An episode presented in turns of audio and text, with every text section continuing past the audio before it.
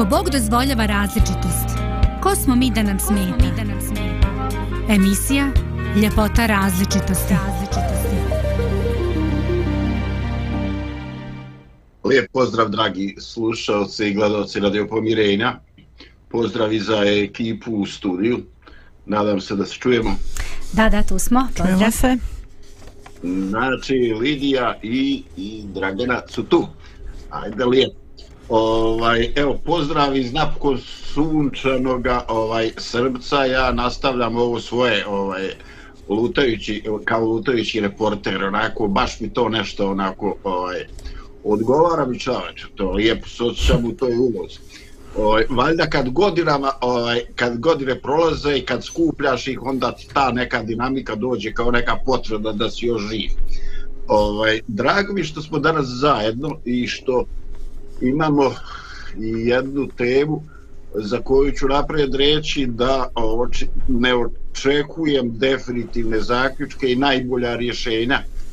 Ovaj, e, možda radije e, kao mogući domet vidim ovaj, da jednostavno razmišljamo o, o rješenjima koja su već ponuđena u različitim konceptima i da nekako pozicioniramo sebe i svoje lično iskustvo i da isto to da inspirišemo naše slušalce. Dakle, bitno je da razmišljamo, da vidimo šta je blisko našem životnom iskustvu i kao i uvijek da se, e, da se e, preispita. Dakle, e, danas govorimo o, o savjesti i o različitim interpretacijama, znači i Božidar nam je tu, dobro došao Božidar. He, pozdrav, pozdrav, zdravko. Ovaj, govorim dakle o savjesti različitim interpretacijama tog pojma koje su na neki način našle svoje pravo građanstva i su ozbiljno analizirane ovaj, dakle, e, interesantno na samom početku, kad e, vi čujete pojam ili riječ savjest, koje su onako ukratko ovaj briefing, koje su prve asocijacije na tu riječ? Pa to je neka reakcija na ono što vidiš i doživiš. Znači, uh, probudi nešto u tebi i kažeš, hm, ovo ne valja. E, to je savjest asocijacija na savjest, onak prva slika. Prva slika. Poja. Meni je tamno i svjetlo. A, bravo, bravo. Evo vidiš to od prilike.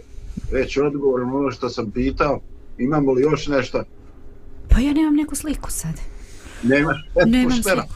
Poštena, poštena, super. Men prvo pada na pamet peče ga savjest ili imaš li savjesti? Imaš ti čovjek imaš ti savjesti. Ovoga peče, ovoga ništa. Ovaj, e, dobro, ajde ispore, ovaj, ući u igru još jedan pojam koji je ovako malo ovaj, arhaično ovaj, zvuči. Kakva je veza između savjesti i sram? Pa može Ima... biti u vezi, može biti u vezi, ali mi ne moramo. Ima li, ima li srama bez savjesti?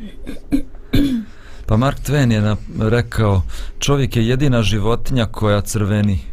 Ili bi trebalo da crveni. Dobro, trebalo, da. Da, pa znači čim crvenimo, znači da, da savjest ja. nas ukorava i da dovodi do osjećaja sramote i stida. A sad zasi zbog čega nas je stid? Imamo i to nešto. To ne mora toliko biti povezano sa savješću, mm -hmm. ali U nekim slučajima baš ono što kažeš, ne možeš da odvojiš, ne možeš da razlikuješ stid i savjest. Baš onako kad je tebe zbog nečeg, uh, kad se javlja neku, neka vrsta kajanja zbog nečega na osnovu tvojih nekih moralnih vrijednosti, ne znam koje imaš. Da, da, može to biti neka ovaj, e, sram, može biti zato što nema što što ti je telefon ovaj da mu de i to nema kao svoje to može biti sramo i ja razmišljam u tom pravcu zato sam rekla može biti u vezi i ne mora.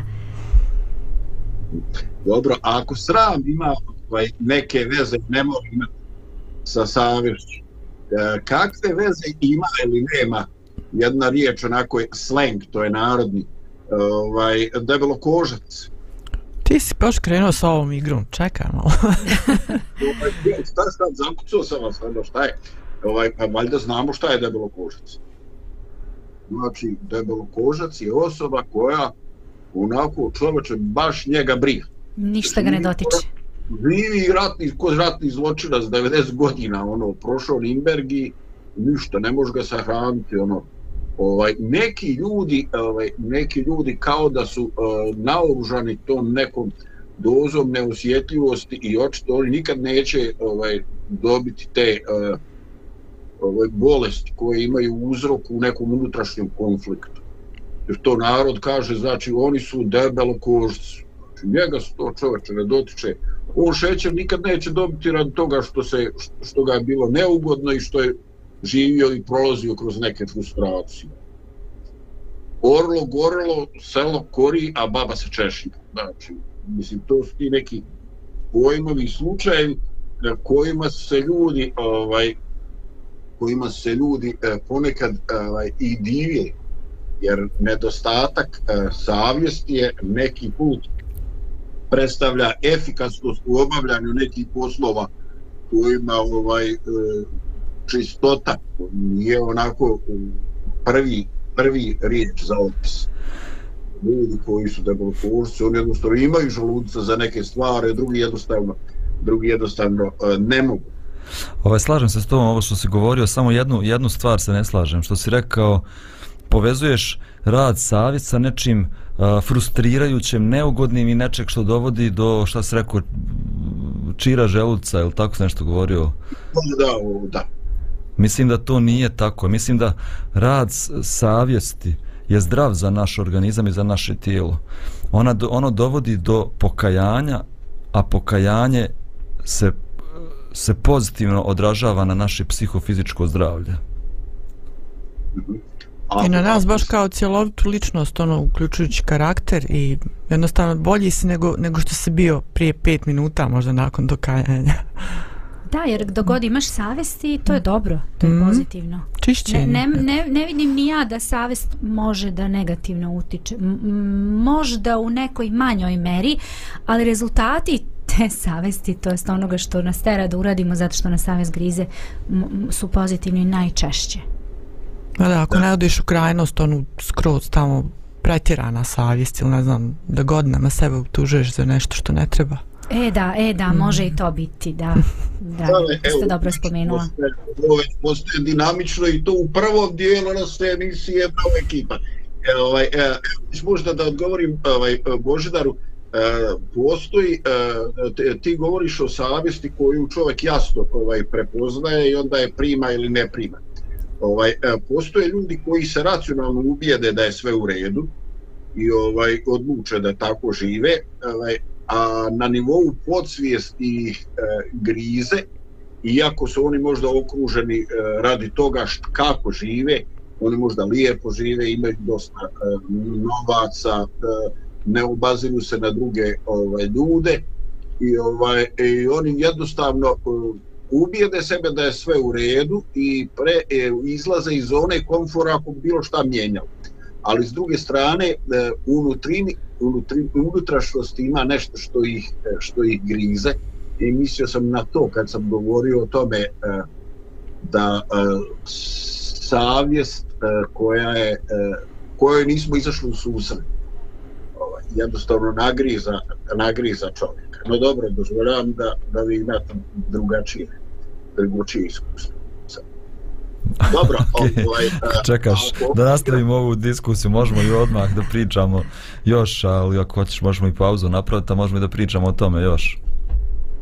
Dobro, dobro, ja sam samo pokušao da se objasnim, ovaj, e, naravno da se slažem da je, da je odgovor na upit savjest nešto što je, ovaj, nešto što je pozitivno i nešto što je katarza, nešto što smiruje čovjeka.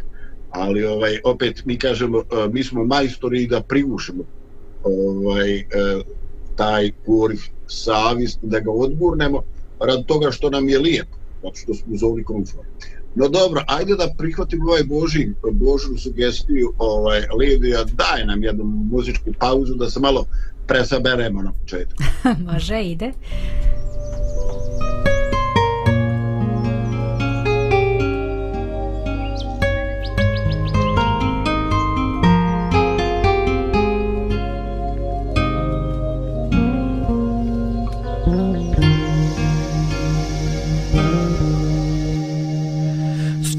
Čekam, čekam ja taj obećani raj kada bolu će za uvek doći kraj.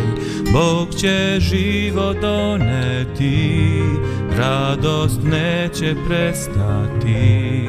Srećom će ispuniti naša srca sva.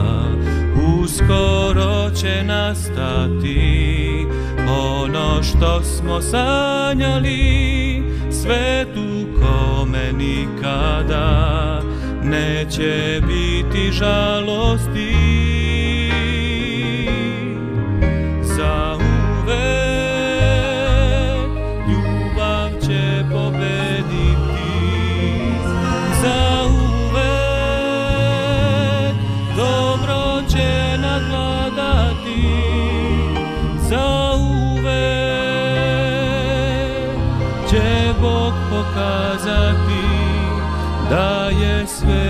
Ljubavi učinio da živimo večno sa njim.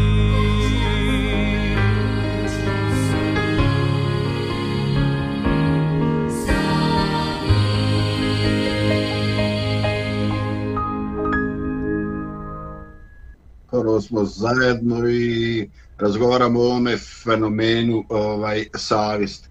Kao što sam na početku nagovijestio, postoje uh, više uh, učenja i više uh, škola koje tretiraju ovaj pojam i naravno sva ta učenja i sve te postavke zavise od nekoga koncepta svijeta, života, pogleda na čovjeka, na duhovnost i tako da krenemo od onih ovaj, e, prizemnih stvari, onako možda najlakše za razumijevanje i za svat, shvatiti. Svima ovaj e, poznati e, Sigmund Freud osoba koja je pokušavao da najveći broj naših ponašanja objasni kroz nagone, kroz naše ugrađene prirodne porive koji se ovaj e, potiskuju ovaj ili im se ovaj izlazi izlazi susret. I on je eh, savjest je eh, povezao sa eh, prekršajem određenih e, normi u kojima na jednoj strani ima čovjek svoje porive, e, a na drugoj strani ovaj ima određene norme koje su pri, koje on prihvatio ovaj, i koji na neki način su sastavni dio njegovog života.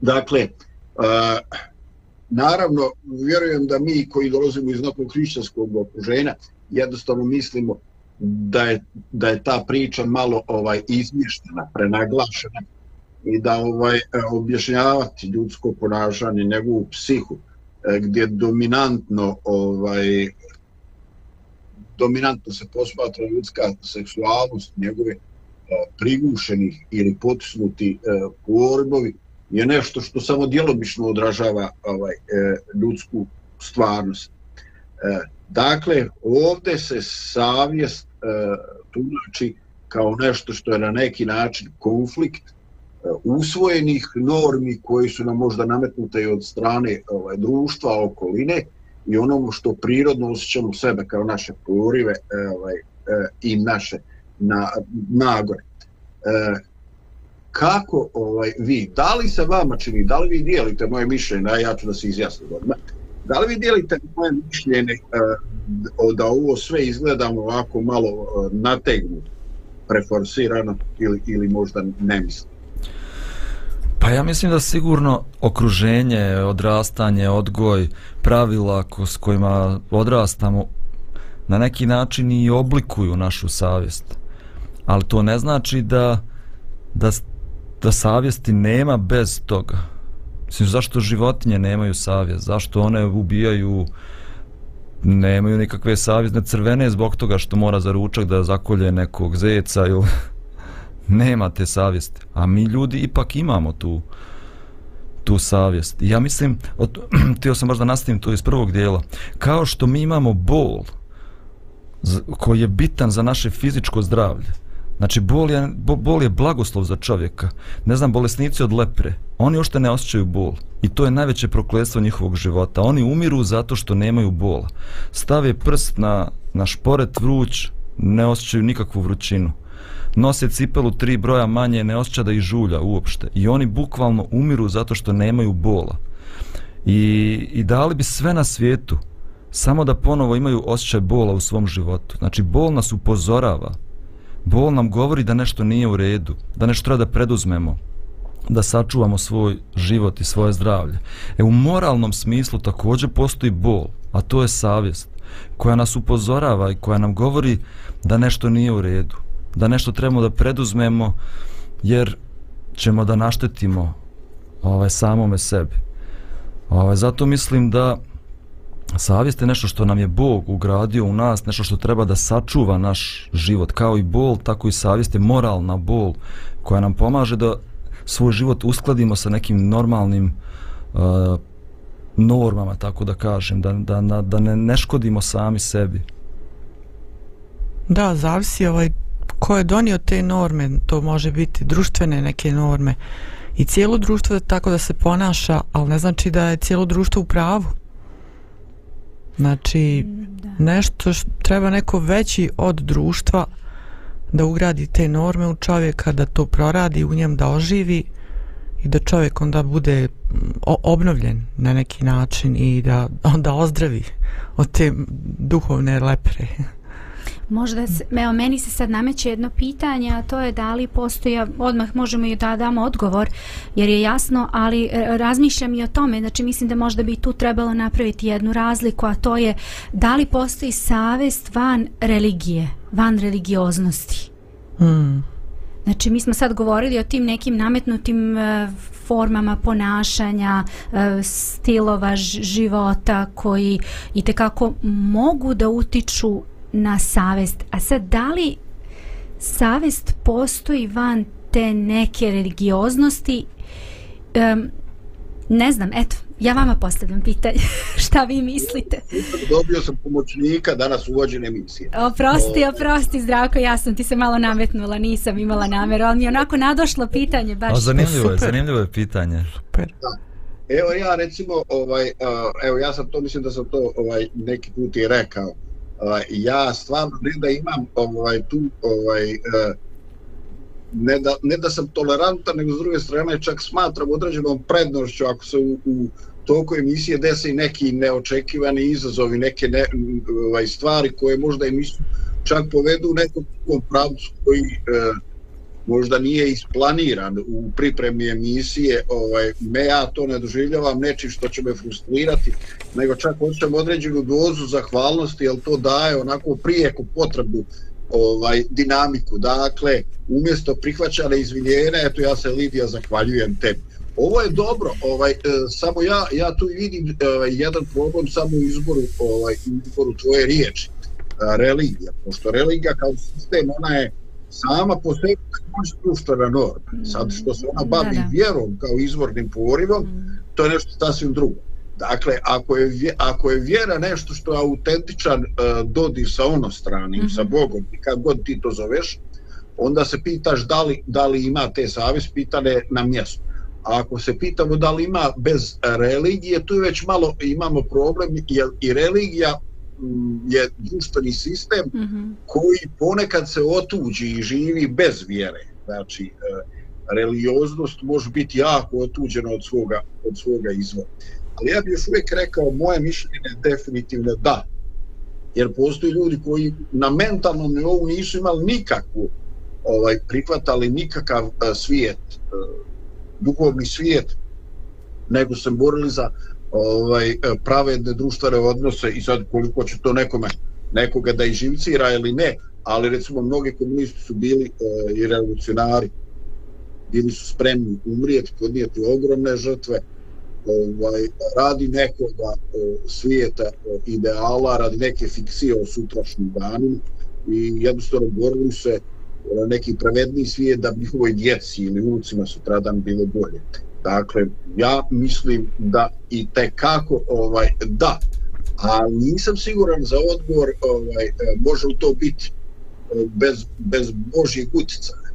Jer ovaj, e, Bog djeluje na one koji apsolutno nemaju svijest o njemu nemaju svijest o Bogu. Oni u mojim srcima su i dalje izloženi Božjim utjecaju tako da ovaj, ne znam, to je moj pokušaj ovaj, da odgovorim na ovaj tvoj nenadan izazov, ne znam kako i ostali Evo, ja sam našla na internetu baš objašnjenja više, znači ima za savjest. I neki smatraju da recimo da je to kognitivni proces koji pobuđuje emocije i racionalne asocijacije utemeljene na moralnoj filozofiji i tako dalje, da ne, ne čitam sve. Um, a ima religiozni pogled na savjest i, i um, on je vidi kao povezanu sa moralnošću svojstvenom svim ljudima sa blagonaklonim hm, svemirom ili sa božanstvom, sa zavisi u što ljudi vjeruju, što kaže, ne mora čovjek da, da uopšte vjeruje bilo šta, nego jednostavno hm, kad proradi savjest, kad proradi to neko kajanje, kad nešto počne da žulja i onda podsjeća čovjeka da postoji i dobro i zlo, e onda to jednostavno to je, to je praksa. Hm. Ja mislim, u svakoj državi postoji zakon o slobodi savjesti. Mm -hmm. Što znači da je država definisala da, da čovjek, svaki čovjek ima savjest. Bez obzira da li je religiozan ili nije religiozan. I ta savjest treba da se poštuje.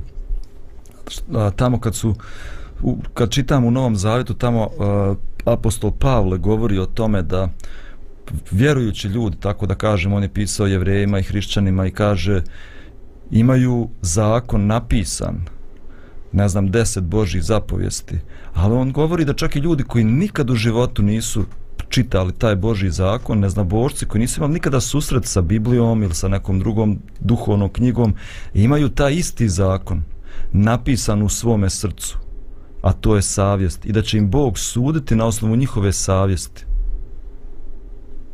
Da, ali to, to tako tumače ljudi koji su verujući, ali recimo ljudi koji nisu verujući, oni kažu uh, da to jednostavno ne, ne, ne pije vode, nema to veze sa Bogom, nego jednostavno to je naš dogovor i to je to. Da je nešto ono dobro, smo, da nije dobro. Što sam govorio na početku, to bi značilo da nereligiozni ljudi ne crvene. A crvene? Definitivno crvene. crvene. Ovaj, da, ovaj, da, ovaj, upravo to Lidija što ti sad spominješ, znači ja, sam, ja to jednostavno vidim na način da ovaj, e, to što nereligiozan čovjek e, u, svo, u, u, u svom habitusu stvarnosti ne vidi mjesto za božanstvo. To ne znači da e, njega nema u području Božjeg djela. Znači, Bog djeluje i njegovo srce, iako ovaj, te on e, to što dolazi do njegove svijesti, on ovaj, tumači ovaj kao neku ljudsku svijest, kao razvoj ovaj društvene svijesti i tako dalje. On tome daje drugo ime, on ne vidi taj izvor, ali ovaj ja i dalje mislim da je eh, Bog te kako djeluje na A ne samo ne samo da djeluje. Možda Bog, ne, ne znam kako Bog djeluje, da li djeluje, da li radi, ali on je ugradio u čovjeka taj moralnost, tako da kažem, ugradio u čovjeka moralnost, bez obzira gdje se on rodio, ali u njega je već ugrađena moralnost. Mi možemo da deformišemo tu ugrađenu moralnost, mi možemo usled, ne znam, odrastanja, negativnih uticaja, da umanjimo uh, uticaj te unutrašnje moralnosti koje Bog stvorio u nas, ali ona je rođenjem data svakom čovjeku. Pa, Pa dobro Božo, ovaj, ajde, ovo, ovo smo negde i, ovaj, e, i, i, i tamo u drugom i u trećem dijelu, više ne znam gdje smo, pa ću da se ja malo i zorganizujem za multilidiju za još jednu pauzu.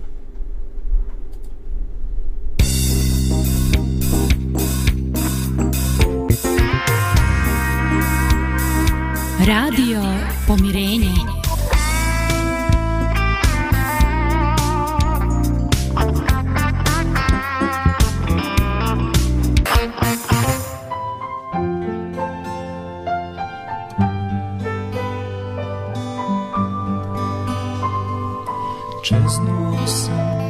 Govoriti velike reči. A znao sam najmanje stvari. Čeznuo sam činiti velika dela. A imao sam manje ljubavi. Čeznem velikom čeznem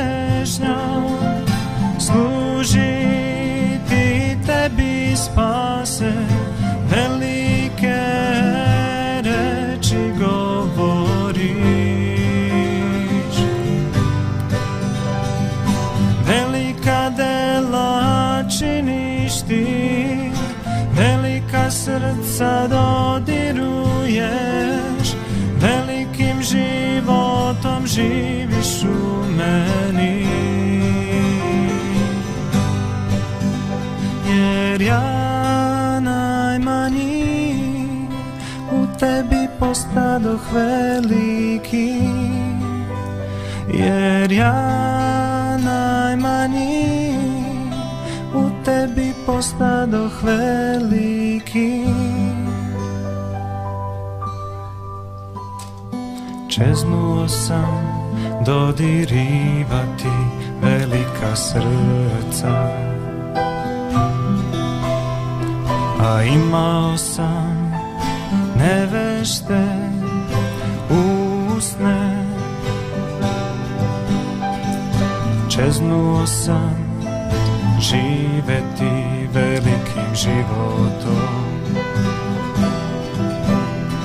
A nisam umeo davati.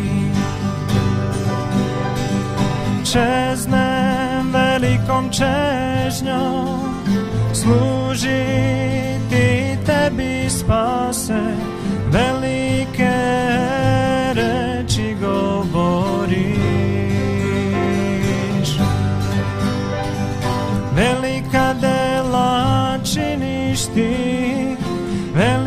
srca dodiruješ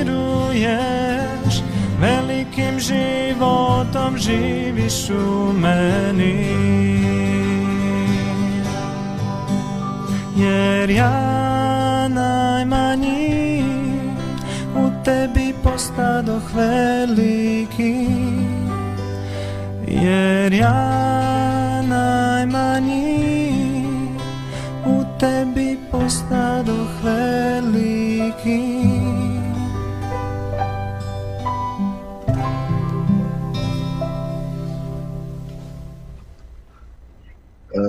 Dakle, e, mislići ovdje što smo govorili, slušajući vas, vidim da se negde krećemo ovaj, između ovog engleskog empiriste John Locke, ovaj, e, koji je govorio o društvenoj e, uslovljenosti, da društvo postavlja ovaj norme, da čovjek ne želeći da bude izolovan ili da bude ignorisan, jednostavno pokušava da izbjegne konfliktne situacije i da se uskladi sa tom nekom društvenom normom.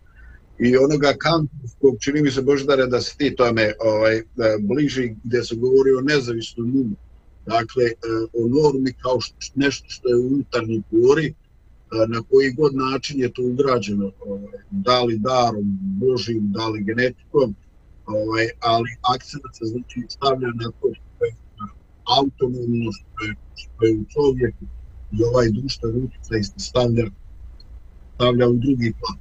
Ne znam, e, moj neki dojam utisak življenja da postoji jedno i drugo. E, ono što sam pročitao u više knjiga, ovaj, a to je u nekim društvenim krizama, dakle, kad postoje sukobi, kad postoje ratovi, Oprosti, Zdravko, možeš li samo malo bliže, jer dosta te slabo čujemo, pa čak i ne razumem u nekim trenucima. ok, e, idem na ovu alternativnu verziju. Ovaj, dakle, e, u tom e, u tome e, sukobu unutrašnjeg e, ovaj, i onoga što je izvana, e, opazili smo da u doba krize ili u doba ratova ovaj, e, ljudi jednostavno e, opažaju e, da je prvo što se desi, prije nego što dođe nekoga fizičkog ratnog obračuna, da postoji dehumanizacija protiv. Znači, ona druga strana se ovaj u umovima svoje populacije uzima im se ljudski lik, govori se o njima kao o neljudima, kao o nižoj rasi, kao o zločincima. Ovaj, e, dakle, sprema se, e, e, jednostavno sprema se mogućnost da se prema tim ljudima, ako dođe do nekog fizičkog sukoba, da se nema previše ovaj, obzir. I to je za mene ovako jedan od očitih dokaza, znači da taj uticaj uticaj društva postoji i da on ima značajan, značajan ovaj, manipulativnu mogućnost. No, e, možda da se još malo zadržimo na onome što je izvorno u čovjeku, u Božidar što si ti ovaj, uh, spominjao. Dakle, ti krećeš ovaj, od, od vjerovanja da je jednostavno to kapital koji Bog daje čovjeku ovaj, e, rođeni. E, da li mislite da se taj potencijal, kapital, da je on takav kakav je ili se on kroz život usavršava ili i uvećava ili recimo gubi sa druge strane? Pa ja mislim da zavisi kojim uticajima se mi dozvolimo da deluju na nas. Znači, uh, može da se razvije u pozitivnom pravcu i smeru, a može može apsolutno da ode u nekom negativnom u smislu da čak i neke moralne vrednosti koje smo posjedovali ranije da više ne izazivaju nikakvu grižu savesti u nama. Onda kažemo ubili smo grižu savesti um, tako da sve zavisi znači od onoga šta smo sebi, uh, kome smo dozvolili da deluje, to jest utiče na našu savjest i mislim da zavisi od moralnih principa koje smo prihvatili kao uh, pravilo života.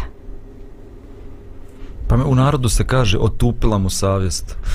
I isto i kaže izoštrila mu se savjest. Znači moguće je da otupi savjest.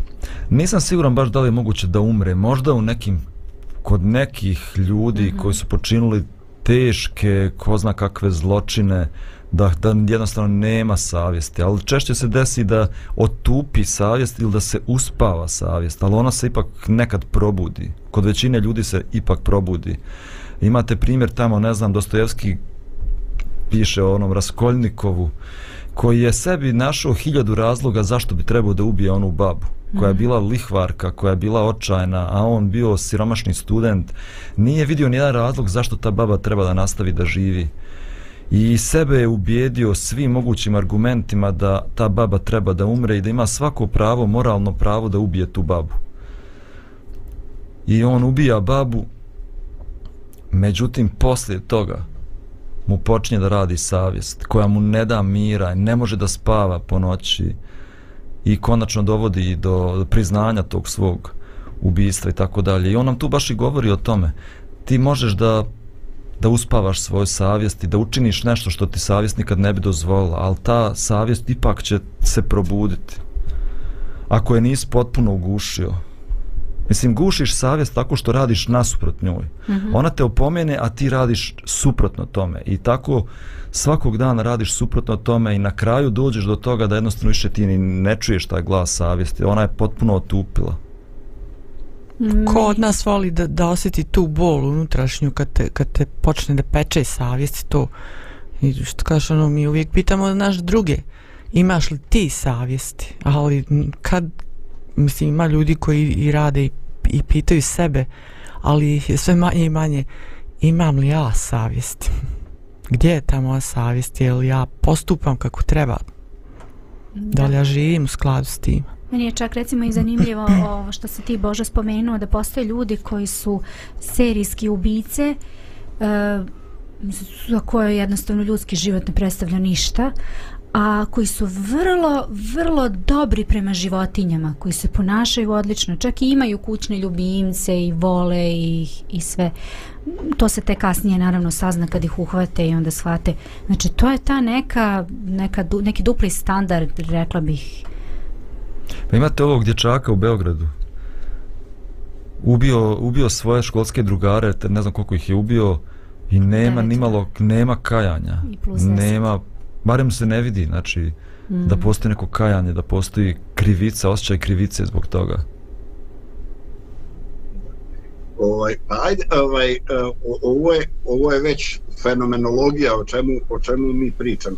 Ajde u nekom našem uh, hrišćanskom ovaj, uh, okruženju mi smo spremni i skloni da kažemo ovaj da je uh, savjet nešto što je ovaj direktno rezultat utjecaja Božijeg, duha Božijega i ovaj i da ona uvijek teži tome kako ti možda da kažeš da se izoštri da čovjek postane senzibilnim za razliku od onoga drugog uticaja koje nastoji da čovjeka o, učini bezosjećajnim, možda čak aktivnim, aktivnim u zlu. E, no, kad sam spomenuo fenomenologiju, e, kod tih ljudi koji odu predaleko, kod ljudi koji recimo postanu serijski ubice, koji čuva svoje matke, koji je vegetarijanac, ali jede svoje žrtve. Jede samo one koje ubije, u svom spaču. Ovaj, baš te ekstremne stvari i odjedan put taj čovjek biva napad. Ovaj, ljuda koja razava svoju psiha. Ovaj, eh, ljudi od iskustva um, imaju da li je to djelovanje savjesti ili ovaj ili to jednostavno onaj ko je na neki način preuzeo njegovu ovaj, bogoliku prirodu sada koristi isti taj princip pravnu Božju da, bi- da bi ga ovaj, osudio. Dakle, neprijateljnosti čini sve da bi čovjeka skrenuo s božanskog puta. A kad u tome uspije, jer mu se učini da je definitivno uspio, onda ga opterećuje e, savješću i koristi e, kriterijume istog tog Božjeg zakona da bi toga svoga sledbenika uništio do kraja, da bi ga odveo u samo uništenje, u samo ubistvo, ako i kako moguće. Dakle, e, taj fenomen duhovnog svijeta je, e, je nevjerovatan ovaj, i, i krije tajne za koje sam definitivno siguran da su nedovoljno istraženi i ne samo u psihologiji nego u psihijatriji. Tako da mnoge stvari, mnoga ovaj zla e, teško su objašnjiva ljudskom frustracijom, strahom, čak i mržnjom, jer u sebi imaju uh, elemente koje nas asociraju na demonsku. Znači, ne, ne na neki odgovor, oni su njega mučili, oni su nekog matletirali, on je imao roditelje narkoman, nego neke stvari prevazilazi sve to. Ovaj. Neka destruktivnost je ovaj, baš izlazi iz okvira ljudstva. Naravno, ja isto slažem da da postoje te sile koje su ne veće od čovjeka, ali nisu samo uh, to djelovanje što smo i malo prije isto ovaj, dotakli se toga, znači zavisi čemu se mi prepustimo, kome dopustimo da djeluje na nas, ne samo što se tiče ljudi i okoline, nego kojoj sili se mi predajemo zapravo, prepuštamo. Isto, to što si rekao, e, zlo je neobjašnjivo. I Jeste, smrt je recimo totalno nelogična i niko od nas ne može, ima i mnogi koji se pitaju šta se dešava poslije smrti, šta ovo, zašto smrt postoji i ne možemo sebi da objasnimo smrt, ali isto tako dešavaju se predivne stvari i dobro ne možemo da objasnimo zato što nema logike s nama, s našim srcem ovakvim zakržljalim, s našom prljavom savjesti, s našom, ovako kako je čovjek ovakav, uh, sa virusom grijeha. Znači, ne možemo da objasnimo ni tu prelijepu dobrotu koja se do, dogodi nama u životu ili, ili kroz nas čak. Da se i mi promijenimo, da postanemo bolji ljudi. Ali eto, događaju se i predivne stvari. Da, ovaj, meni se jako dopada Dragana upravo to, da mnoge stvari u životu ovaj, e, su jednostavno neobjašnjive onome što čuči u čovjeku kao potencijal. Znači, pretpostavka ljudskog potencijala, a, ono što biva u životu prevazilazi to. E, znači, čovjek čini e, mnogo veće dobro nego što mi vidimo da u njemu ima i spreman je učiniti mnogo veće zlo nego što mi pretpostavljamo da je njegov potencijal. Dakle, ovaj, e, nevjerovatno, ostajemo, ostajemo ovaj, pred tajnom i sa mnogim pitanjima. Ovaj, e, pročitam, podijelim s vama jedan citat od, od, ovaj, od Meše koji kaže brini se više za svoju savjest nego za svoj ugled. Pa sad ovo. Jer savjest je ono što ti zaista jesi, a ugled je ono što drugi misle o tebi. A ono što drugi misle o tebi, to je već njihov problem. Eto. Ovaj, dakle, lijepo inspirativno, gdje se ovdje savjest stavlja ispred nečega što je nama u ovom vijeku tako važno, ispred toga u, u, društvenog ili uopšte rečeno ugleda. E, tvoja pomirenost, tvoja savjest je važnija od tvoga ugleda. Ajde sada ovaj, da postavljamo samo jedno pitanje apsurda. Može li čovjek imati grižu savjest za nešto što učini, što samo po sebi e, nije loše ili nije prekšaj zakona, nije prekšaj norme? Dakle, e, može li, može li se imati griža savjest e, za nešto što učinimo, a što nije loše? Može. Mhm. Može. Ako ne učinimo nešto što je dobro, a mogli smo. I osjećamo pa zašto nisam recimo rekla toj osobi to što sam trebala, što bi bilo pozitivno? Ili zašto nisam to uradila, zašto recimo nisam Dragani pomogla da ponese tešku kutiju primjere radi koja je nosila u stepenice? Otišla sam samo po sebi, nisam ja sad ništa tu zgrešila, niti sam ja sad, ali sam mogla da je pomognem, znači mogla sam da uradim dobro, a nisam. I onda kažem, pa, a što ja to nisam uradila? Trebalo je. A može biti, govorili smo o tome da u djetinjstvu se oblikuje savje. Sad roditelji koji su previše strogi, ne znam, može da kritikuje grdi svoje dijete što gricka nokte. Grickanje noktiju nema nikakve moralne ni negativne ni pozitivne vrijednosti znači ali dijete može zato što ga je roditelj grdio tu kao zbog toga da osjeća krivicu kad gricka nokte. Mm, mi bismo rekli da ovo gricka nokte zbog određene frustracije onda pametni tata i mama još mu potenciraju tu njegovu frustraciju jer sad ovaj gricka nokte zato što je frustriran a onda kad gricka nokte ovaj, još je više frustriran jer zna da je to nešto što ga se osuđuje da jednostavno ubačeni u, u, u spiralu. Nisu mu pomogli nego su mu definitivno odmogli. Ovaj, eh, do, možda, možda bi ovo bilo dovoljno za ovaj dio ovaj, pa ćemo napraviti još jednu pauzu prije našeg e, završnog razgovora Može Radio radio, radio, radio,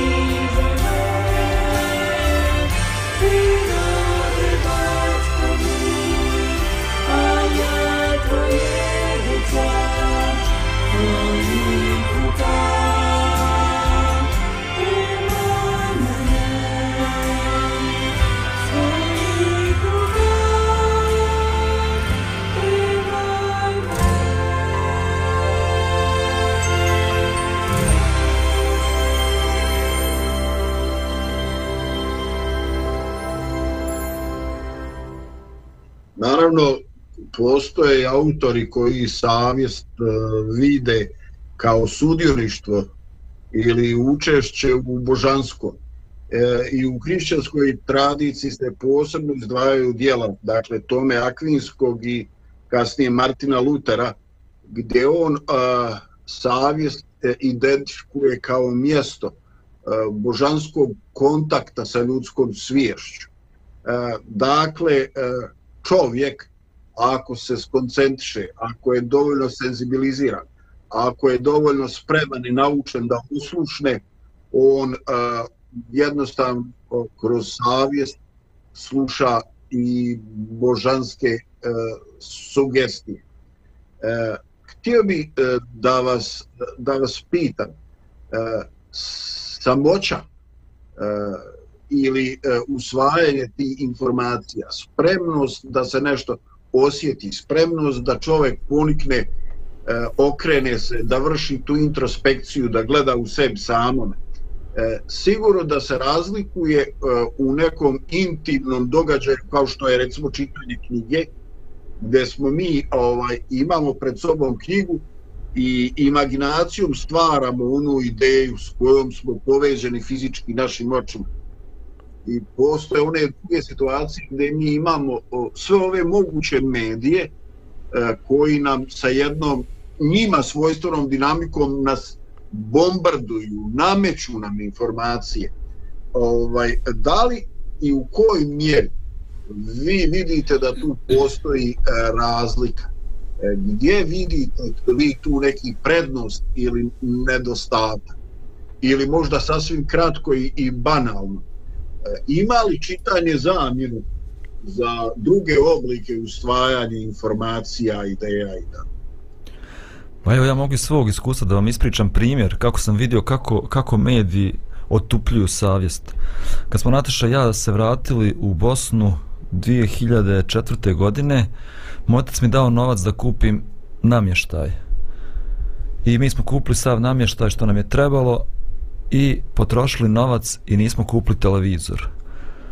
I kažem ja Nataši, pa dobro, ajde kupit ćemo ga od prve plate kad dobijemo platu, pa ćemo onda kupiti televizor. I tako mjesec dana nismo imali televizor. I mjesec dana, umjesto da gledamo TV, mi smo svako večer šetali, čitali knjige, posjećivali prijatelje i nama se to baš svidjelo. I mi kažemo, pa dobro, nama i ne treba TV. I tako nismo imali TV nismo ga kupovali uopšte i prošlo je pet godina možda. Posle pet godina mi smo bili pozvani, moja mama pravila neki svečani ručak i pozvala je nas i pozvala je druge neke rođake i tako posle tog ručka ja odem u dnevni boravak kod mame i upalim TV i šokiram se. Znači šokiram se količinom nasilja, seksualnosti, koja se pojavljuju u tim normalnim programima koje mi ljudi gledamo normalno. Znači prije pet godina to je meni bilo sasvim normalno. Ja sam to sve gledao prije pet godina. Ali pet godina nisam bio izložen tome i to je meni bilo prosto prosto mi je bilo strašno da, da tako nešto se prikazuje na televiziji. I to je samo dokaz kako mediji otupljuju našu savjest. Znači ti kad svaki dan si izložen tom uticaju, svaki dan gledaš hiljadu scena ubistva, pa tebi ubistvo više uopšte nije nešto strašno, nego nešto uobičajeno. Gledaš hiljadu scena nemorala, tebi je nemoral postao sastavni dio tvog života, ti si jednostavno, ne znam pravu riječ da upotrebim, ma baš kao, eto, otupila ti je savjest. Eto, na taj način savjest otupljuje, ali isto tako mi sebe kad izlažemo pozitivnim uticajima, čitanju dobrih knjiga, evo kao što si ti rekao, mi oštrimo našu savjest. Ja sam sad ovog vikenda pristupio jednoj konferenciji koja je govorila o Božjem karakteru, ljubavi i blagodati. Mene je to toliko inspirisalo, izoštrilo moju savjest, onda sam pomislio, pa gdje sam ja, da Bog, Bog pokazuje svoju ljubav ljudima koji to ne zaslužuju, daje najbolje darove onima koji to ne zaslužuju, a ja nisam u stanju da volim ni one koji su mi najbliži i koji zaslužuju moju ljubav. I onda mi to pomaže da izoštravam svoju savjest, da, da težim nekim većim moralnim standardima nego što ih trenutno imam. Super. Ovaj, e, izvini, ali ovaj, baš mi ovaj, želio bi još jednu pojedinost od tebe. Ovaj, ti si pomenuo taj impozantni, za naše prilike, impozantni period od pet godina nije ušao TV u toj kući. Ovaj, onako, ovaj, tih pet godina, dakle, ti u dnevnom programu, ne u nekom noćnom, šokiraš se onim što vidiš. Ovaj, nisam siguran da li sam te razumio. Da li ti misliš da je ta progresija ili pod navodnicima napredak televizije za pet godina ovaj eh, da je bilo više ti sadržaja koji su tebi neprihvatljivi ili misliš da tu nije došlo do određene promjene nego da si ti jednostavno postao osjetljiviji, odvikao se sa od tih Da, ne znam, nisam sad mjerio program kako se mijenja u toku pet godina. Možda, vjerovatno, nije to ništa bilo drugačije, samo sam ja postao osjetljiviji. Mm -hmm. Da, ali zanimljivo je i da ove programe današnje televizijske recimo pišu kao nije za, za znate ono uh, parent control pa onda imaš znači do 12 godina ne bi trebalo da gledaju dece. Ja pogledam a kakve do 12 godina čovječe ovo nije ni za 18 ni za više. Znači baš toliko se je pomerena ta neka granica uh, šta se može šta se ne može da je to nevjerovatno da to je meni isto zanimljivo. Ako nije za djecu zašto je onda za nas? Šta to što djeca ne treba da gledaju, a mi možemo da gledamo. Da. Ako je otrov, onda je otrov, mislim, za svakoga. da. Ovaj, a, vidite, ja ovako, ba, baš ste me bacili, ovaj, ja možda ovako čovjek sluša i uključuje se, ali vjerujte, ovaj, u pozadini ja to procesuiram, što kaže, radi mi mozak ko motor od fiće, treba da vidim poklopac koji se ugrijao.